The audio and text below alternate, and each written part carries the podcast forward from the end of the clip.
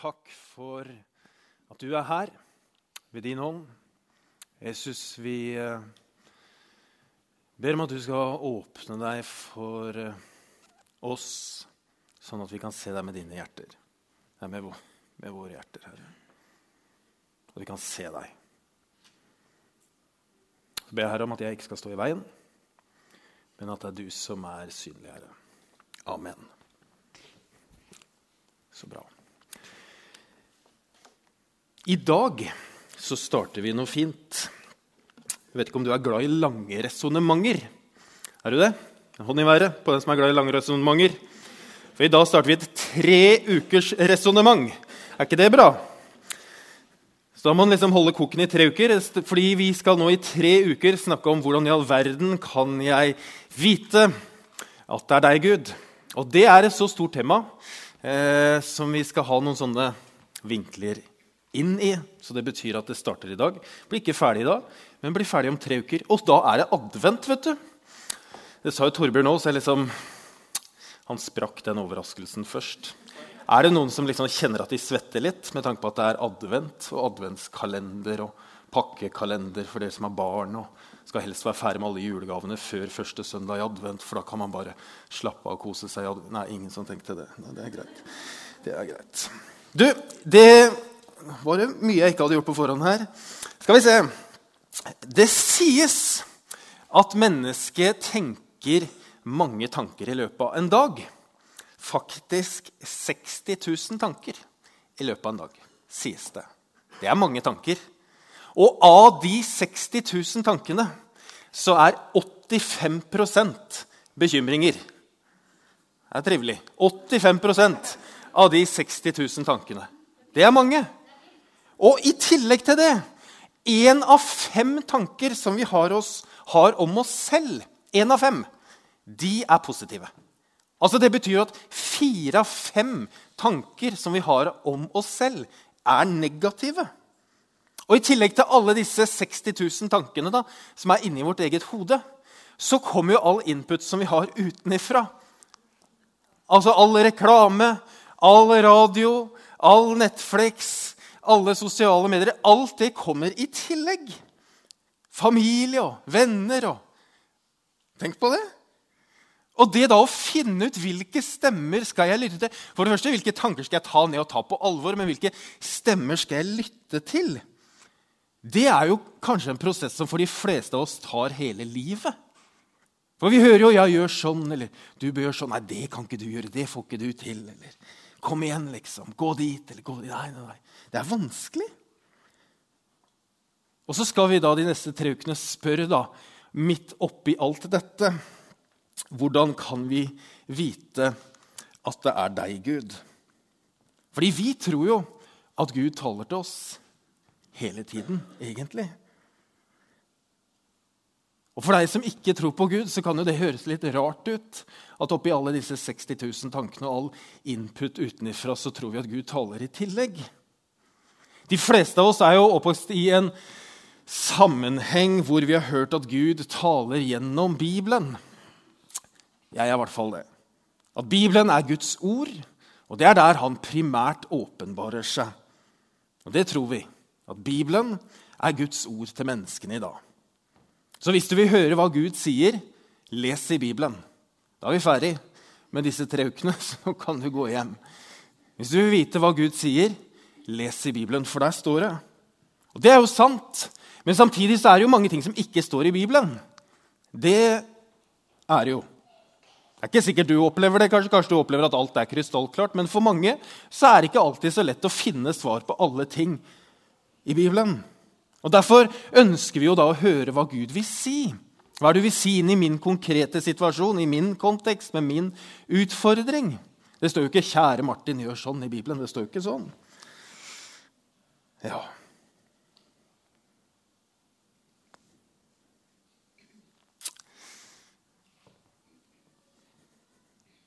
Nå lurer du på hva jeg tenker på. Ja, det er bra. Hmm. Av og til så hører jeg noen sier at Gud har sagt. Gud har sagt til meg. Og En gang jeg hørte en mann som sa at jeg gikk på stranda i Nis, altså i Frankrike, og da åpna Gud et helt brev for meg, og plutselig forsto jeg liksom alt. Og så reiste jeg hjem til menigheten min, og så liksom gjorde, gjorde vi det. Av og til kan jeg høre at Gud ba meg banke på den døra, liksom, og da åpna det seg opp, og så kom jeg inn, og så ordna alt seg. Det kan jeg høre. Noen opplever at Gud taler veldig, veldig tydelig. Mens for andre opplever at det er helt stille. Hører ingenting. Vi som kirke vi er jo i en periode nå hvor vi, hvor vi, ønsker virkelig å høre fra Gud. Hva vil du, Gud? Skal vi bygge? Skal vi bygge om? Skal vi rive? Skal, hva skal vi gjøre? Hva vil du? Og Av og til når jeg er i samtaler, så kan jeg be til Gud bare om hjelp. For nå trenger jeg å vite hva du vil at jeg skal si. Jeg tror også at Når vi nå skal snakke om det å høre Guds stemme, eller hvordan kan jeg vite at det er deg, Gud, de neste tre ukene, så er det noen av dere som bare jubler. Yes! Endelig, liksom. Endelig kommer det som er det mest sentrale, det mest viktige. Og noen tenker det er jo galskap. Vi kan jo ikke snakke om det, om at vi kan høre Guds stemme. Det er Noen som, av dere som kanskje ikke forstår vitsen i det hele tatt. For vi har jo Bibelen, liksom, så det står jo der. Ikke sant? Og så er det noen av dere som er litt sånn Ja, det er litt interessant, det. Sitter litt sånn tilbakelent. Det skal jeg undre over nå de neste tre ukene. Det gleder jeg meg til. Og så er det dere som ikke orker å tenke på, som tenker bare kan han ikke bli ferdig, så vi kan gå til kirkekaffe. Og noen sier også, eller tenker, vi kan jo ikke snakke om å høre Guds stemme. Det går ikke an å snakke om det. Det må man jo bare oppleve. Man kan ikke snakke om det. Og så har jeg lyst til å si noe til dere alle. Um, og nå skal jeg gå på noe som er litt rart. Ja, det kommer et veldig flott bilde. Veldig flott. Eller ikke det første, egentlig. det ser jeg det ikke. For det er av dette han her. Og han heter han, han er jo flott, han selvfølgelig. Det var ikke det jeg mente. Men han heter Urban T. Holmes, og han var den første han på 50-tallet så, så eh, utvikla han noe som han kaller for spiritualitetstypologier. Et vanskelig ord. Jeg liker å ha sånne vanskelige ord som du kan øve på. Men spiritualitetstypologier. Og det handler om, om litt sånn hvordan vi er skapt. Um, og så var det en annen som nå kommer det bildet, som heter Corinne D. Ware, som tok dette et skritt videre og laga spiritualitetshjulet. Og Det er en metode eller et verktøy som man kan bruke for å forstå sin egen åndelighet. For å forstå litt bedre hvordan jeg eh, eh, opplever min relasjon til Gud. Da. Hva som gjør at jeg er liksom på plass. Eh, og den er litt Den ser sånn ut. Ser kjempevanskelig ut, og så står den på engelsk i tillegg. Men det er fire typer som er innenfor. Hvis du ser så er det 1, 2, 3, 4. Og så er det fire, nei, to streker. Eh, og den som går oppover, nei, den som går bortover, den viser hvordan vi oppfatter Gud. Eller hvordan vi foretrekker å fremstille Gud. Det betyr at I ytterste fasen så er det de som tenker at Gud er et mysterium. Han kan ikke forklares. Det er bare et mysterium.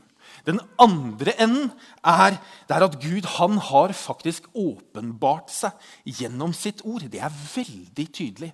Så Hvis du ser liksom motpolene, så har du den streken som går opp og ned. Og den i bånn eh, det handler ikke om at det er i bånn, liksom, men den i bånn eh, er i forhold til hvordan vi forholder oss til den kunnskapen eller informasjonen vi har. Og det betyr at Når du er nederst, så er du veldig følelsesstyrt. Du er styrt av på en måte impulser og hjerte og følelser. Og hvis du er øverst, så er du veldig styrt av intellektet ditt eller hjernen din, kunnskapen din. Og da innenfor disse så er det da fire bokser. Eh, som er da fire spiritualitetstyper som styrer oss i møte med Gud, med åndelighet, med spiritualitet eller med trosliv. Og mest sannsynligvis så kan du finne deg selv litt mer i en av boksene enn den andre. Så betyr det at Her er det liksom glidende overganger, men når man skal lage en sånn typologi, så må man ha liksom fire bokser. Men jeg tror det at de fleste av oss finner liksom oss selv innenfor de boksene. Ikke minst så kan vi kanskje tenke ja, sånn er jo hun. Eller sånn er jo han. Og derfor reagerer han, hun eller sånn. Og den første, Nå er det fire typene. Jeg ser dere sitrer av spenning. Eh, og Den første den kaller man for hodespiritualitet. Det er liksom den første, øverst oppe til høyre. Det er de som har en sånn intellektuell tilnærming til åndelighet og til Gud. Og For disse folka her så foretrekker man bibelstudier.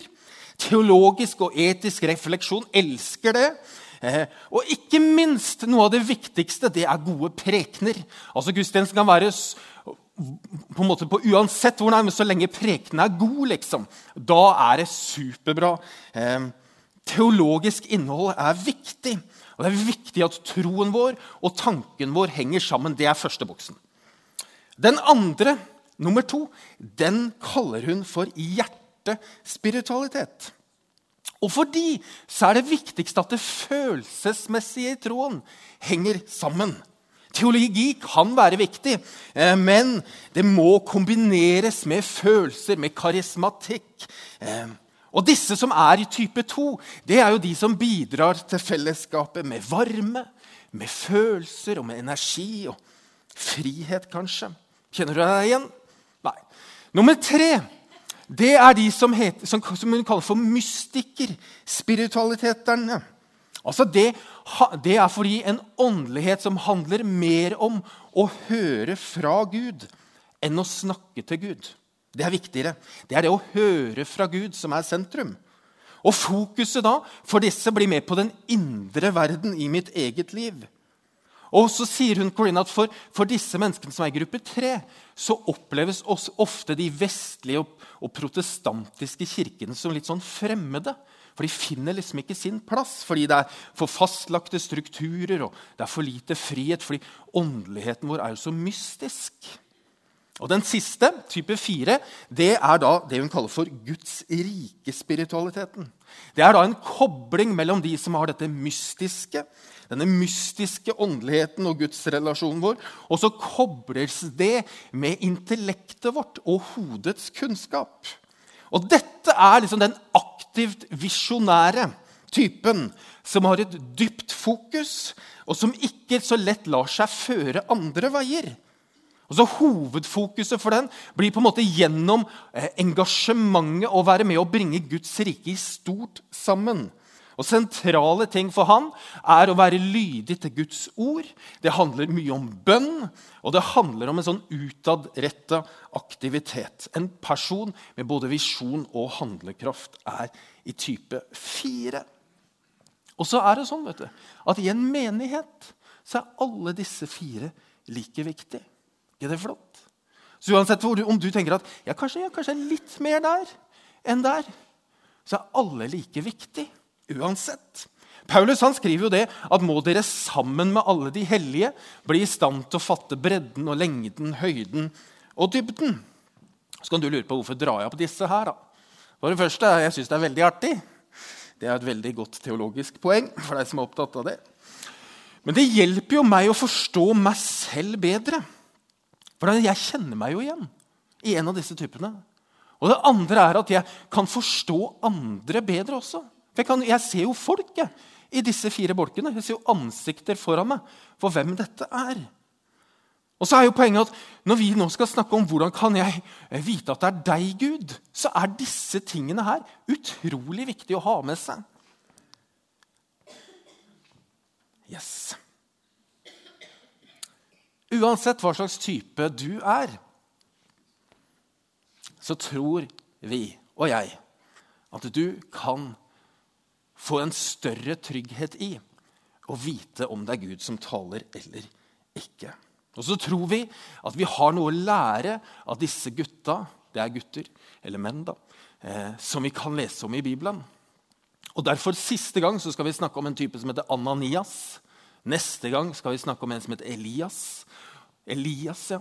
Og i dag så skal vi snakke om en ung gutt som var høyt elsket. Og Moren hans hadde prøvd lenge å få barn, men fikk det ikke til.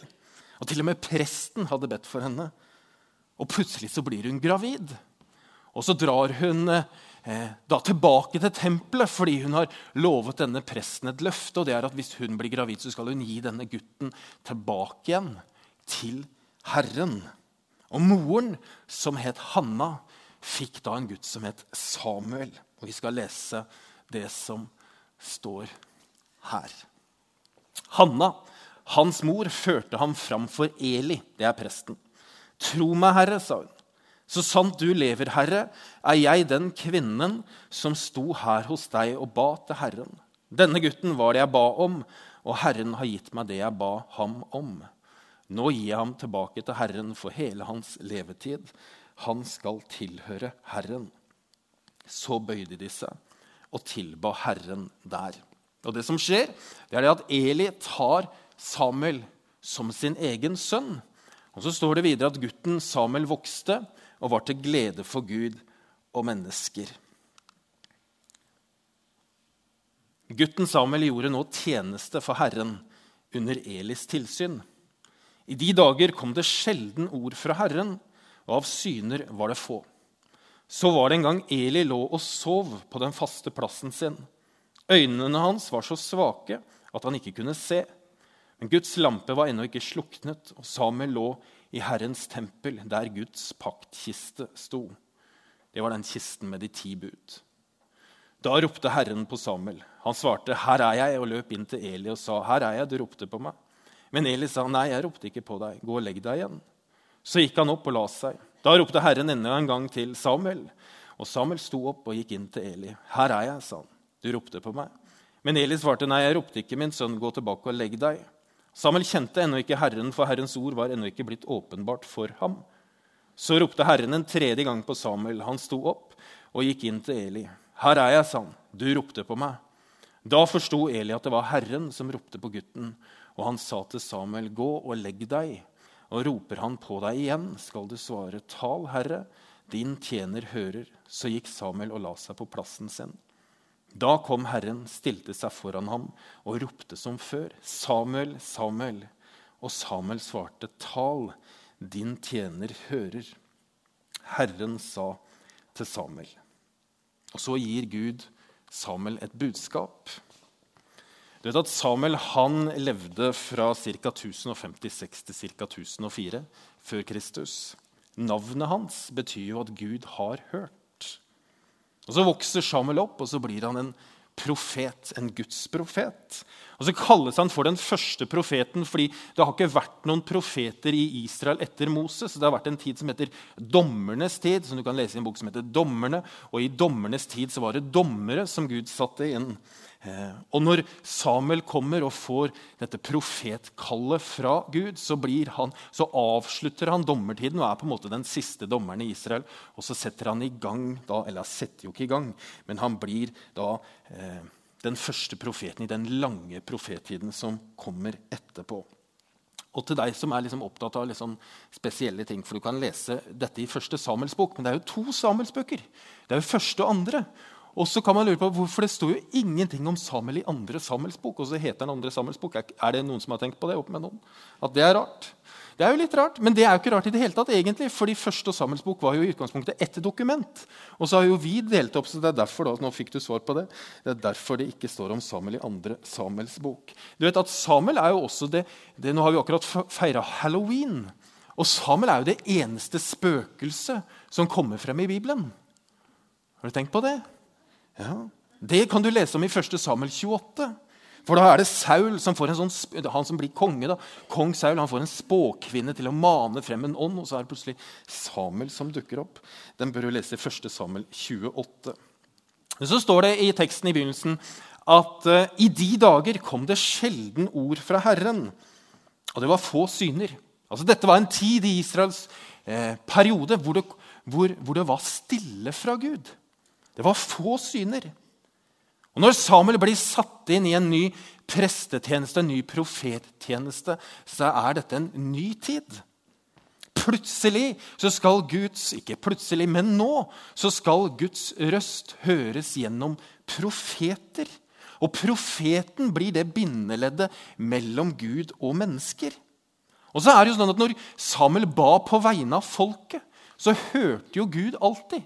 Tenk hvis det var sånn når du ba. At når du ba, så hørte Gud alltid. Tenk hvis det var sånn, dere. Kanskje det er sånn òg.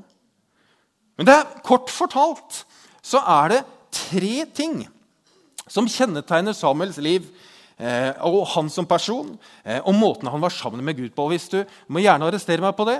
Eh, men det handler om at han hadde et rent hjerte, står det. Han lyttet, og han var stille.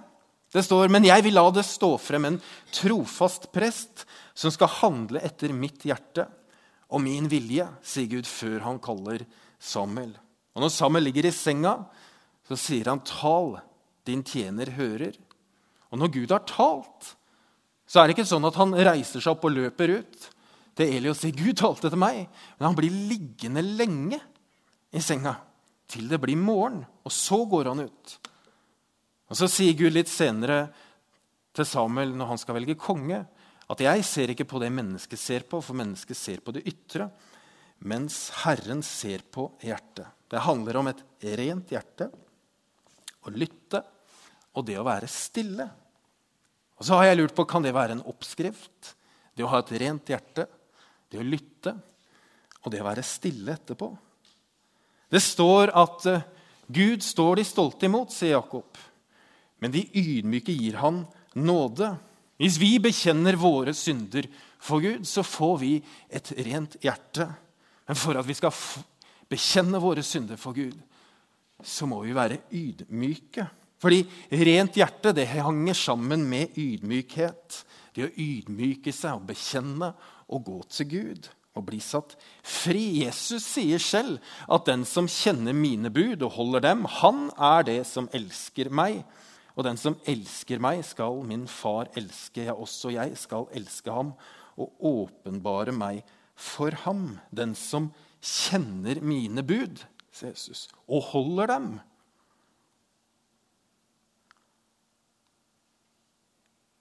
Sammenhengen er altså det er ydmykhet, det er et rent hjerte.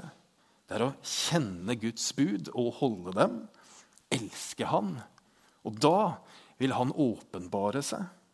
Jesus sier jo også i et annet sted at salig er de rene av hjerte, for de skal se Gud. Og så jeg lurer på, Hvordan kan jeg holde mitt hjerte rent? Det er en gammel salme i Salme 119, den lengste salmen i Bibelen der står det hvordan holder den unge stien sin ren? Jo, ved å ta vare på dine bud. Jesus snakker om, snakke, snakker om, å holde hans bud, kjenne hans bud og ta vare på dem. Salmisten handler, skriver om å ta vare på dine ord. Og når Judas, en av Jesu disipler, ikke Judas Judas, som som du tenker på, men han andre Judas, når han spør Jesus, 'Herre, hvorfor skal du åpenbare deg for oss og ikke for verden?'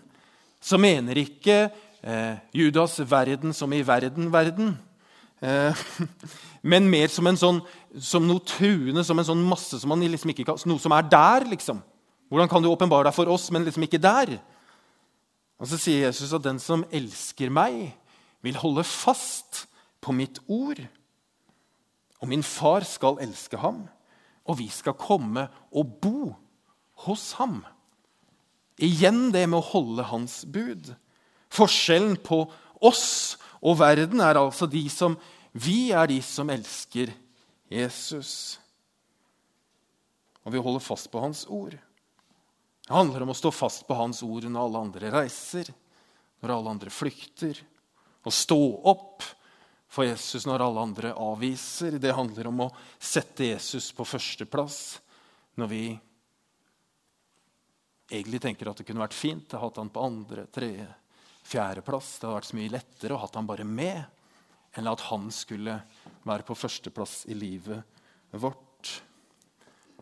Når Jesus skal gi, begynner på denne, talen, denne avskjedstalen til disiplene, så sier han men talsmannen den hellige ånd, som far skal sende i mitt navn, skal lære dere alt og minne dere om alt jeg har sagt dere.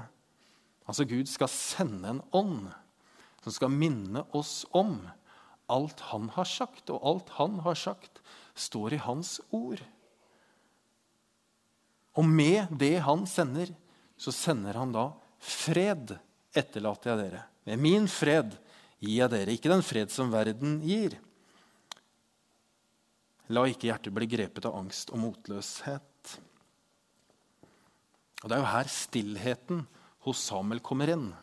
Fordi fred i hjertet, det gir stillhet i hjertet. Stillhet gir fred, og fred gir stillhet. En stillhet som, som kan stille alle disse stemmene vi har rundt oss, disse 60 000 tankene i hodet, eh, og alt det vi hører rundt oss. Og Da lurer jeg på om du tør å være stille. Om du våger å være stille. Problemet vårt, tror jeg, er at vi ikke er stille. Det finnes noe i oss som gjør at vi ikke er stille. Vi tør det ikke, vi orker det ikke. Vi har litt sånn frykt for det fordi vi blir rastløse og lurer på hva som skjer. Noen ganger har jeg vært på sånn stille-retreat. Og det å bare være stille med Gud en kort stund, eller over en litt lengre periode Det å ha et sånt stille sted Har du et sånt stille sted? Hvor du ikke hører bare dine egne tanker, alle disse tankene eller all denne støyen? Har du kanskje prøvd å være stille uten å se på TV samtidig? Har du prøvd det?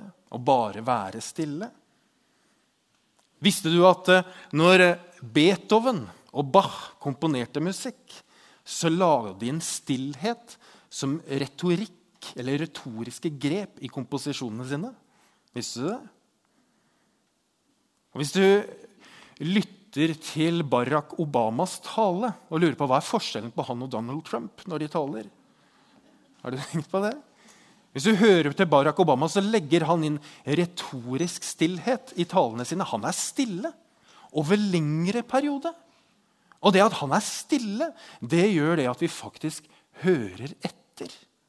Fordi inntrykkene blir forsterka gjennom stillhet. Og Jeg tror det at stillheten er et sånt uoppdaget rom for mange av oss, hvor vi kan puste ut, og så kan vi høre etter om Gud sier noe. Et ydmykt og rent hjerte gir fred med Gud. Fred gir stillhet, og stillheten lytter. Og til slutt er spørsmålet da som du skal ha med deg til neste gang hvordan kan du bruke stillheten til å bli mer oppmerksom på hva Gud gjør, sier til deg? Hvordan kan du bruke stillheten til å bli mer oppmerksom på hva Gud sier til deg? Hvordan kan du bruke stillheten til å ta vare på Guds ord og holde fast på det? Hvordan kan du bruke stillheten til å ta vare på Guds ord og holde fast på det? Og hva skal til for at du i stillheten sier som Samuel, tal, Herre, for din tjener lytter. Disse spørsmålene står også på spørsmålsarkene som du får på veien ut.